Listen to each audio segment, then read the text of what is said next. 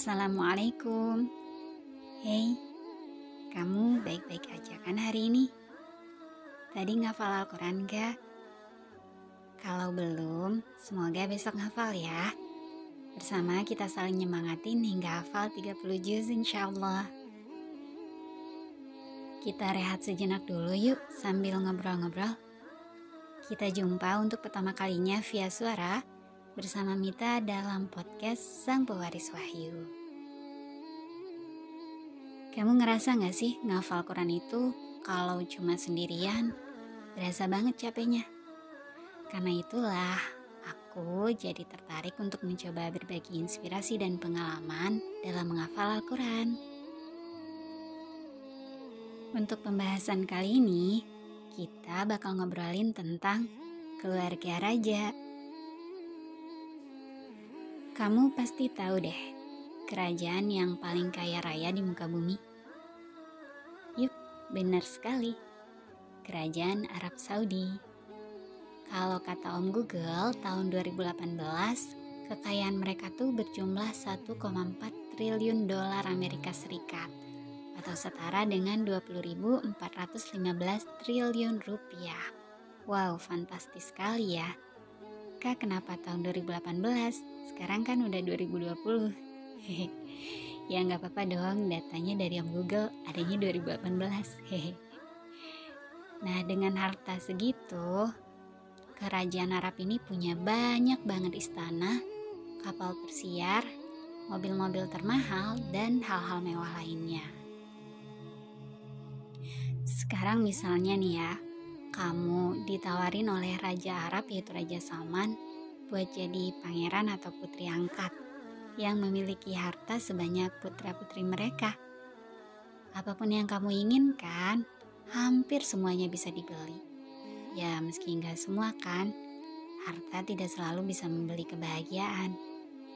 Nah, pasti kamu mau dong dapat harta sebanyak itu. Itu keluarga raja di dunia. Nah, sekarang gimana kalau kamu itu ditawarin oleh raja alam semesta yaitu Allah Subhanahu wa taala untuk menjadi keluarganya?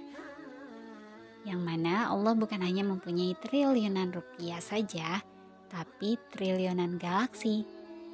Allah juga menguasai segala takdir, memiliki surga dan neraka dan semua hal berada dalam genggamannya. Kamu mau minta apa aja? Tinggal bilang sama sang maharaja. Termasuk tentunya minta kebahagiaan dunia akhirat. Insya Allah dikasih deh. Kalau yang ini pasti maunya pakai banget kan?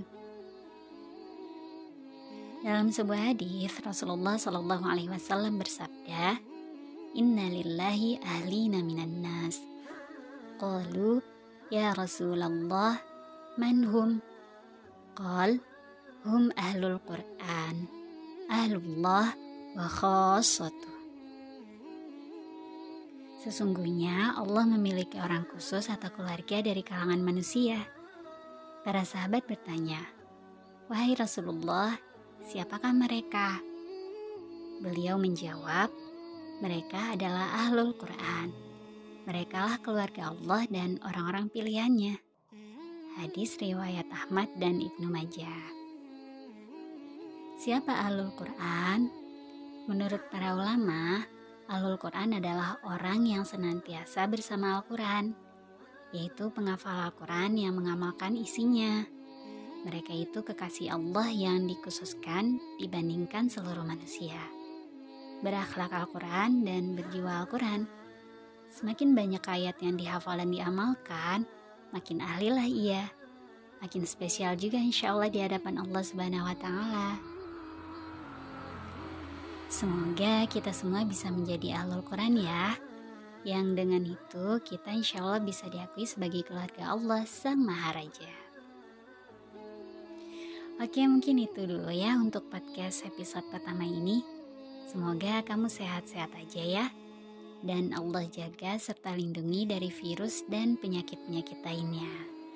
Mita pamit undur diri. Sampai ketemu di episode selanjutnya. Sampai jumpa. Wassalamualaikum.